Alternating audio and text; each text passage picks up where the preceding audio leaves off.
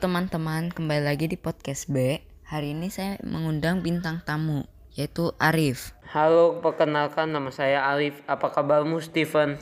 Saya baik-baik saja, jadi hari ini kita mau ngapain Arif? Hari ini kita mau membicarakan tentang bencana alam yang lagi banyak dibicarakan oleh orang-orang, yaitu tentang banjir.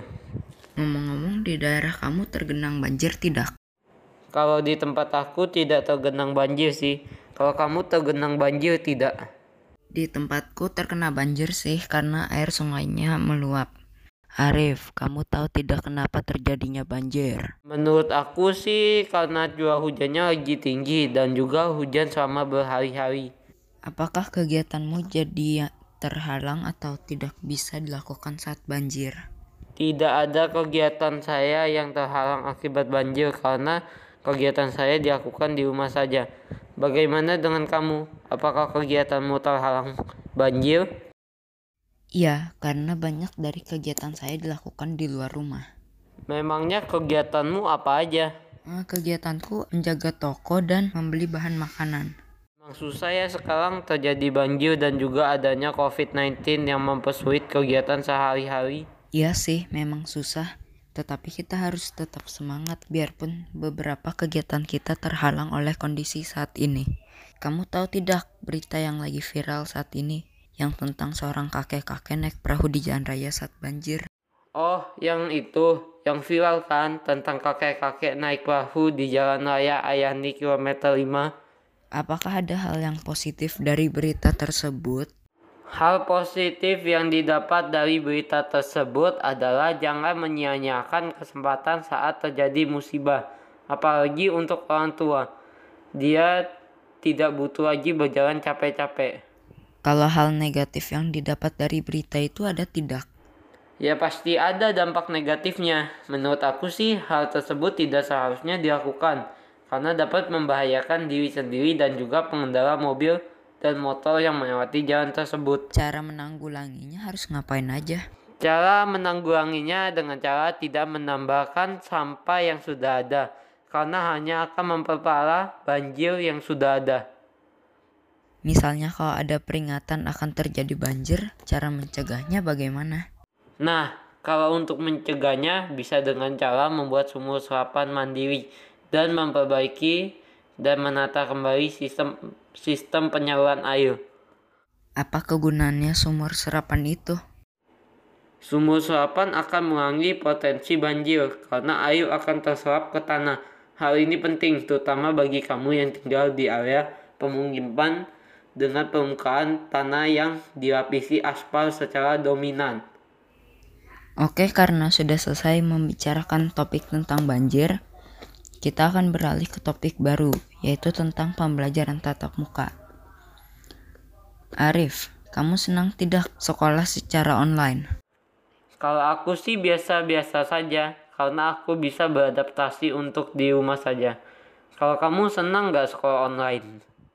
Aku sih lebih suka sekolah online karena waktunya lebih bebas. Kamu rindu nggak sekolah tatap muka?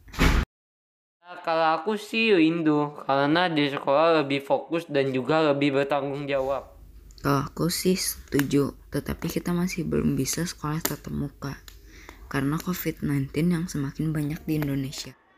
Kamu ada dengar nggak tentang berita kalau sekolah tatap muka akan dilakukan pada bulan Juli 2021? Oh, berita yang itu ya. Aku dengar para guru yang akan divaksin duluan adalah guru PAUD sampai SD, baru guru SMP sampai SMA dan seterusnya. Kamu tahu tidak kenapa guru-guru yang divaksin duluan adalah guru PAUD sampai SD saja dulu? Menurut aku sih karena orang tua pasti setuju kalau guru-guru PAUD dan SD divaksin. Karena semakin mudah semakin sulit melakukan pembelajaran jarak jauh.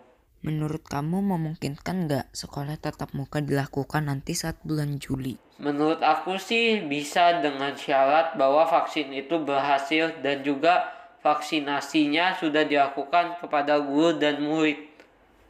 Menurut kamu masih ada kemungkinan tidak jika para guru beserta murid-murid masih bisa terkena virus COVID-19 walaupun sudah divaksinasi semuanya? Menurut saya, murid dan guru dapat terkena COVID-19 karena vaksinasi membutuhkan waktu lama untuk bereaksi. Kira-kira butuh berapa lama waktu yang dibutuhkan untuk membuat vaksinnya bereaksi? Vaksin membutuhkan satu bulan untuk bereaksi. Jadi maksimal seluruh guru PAUD dan SD harus divaksin pada bulan Juni agar dapat melakukan sekolah tatap muka pada bulan Juli sesuai dengan rencana Pak Presiden.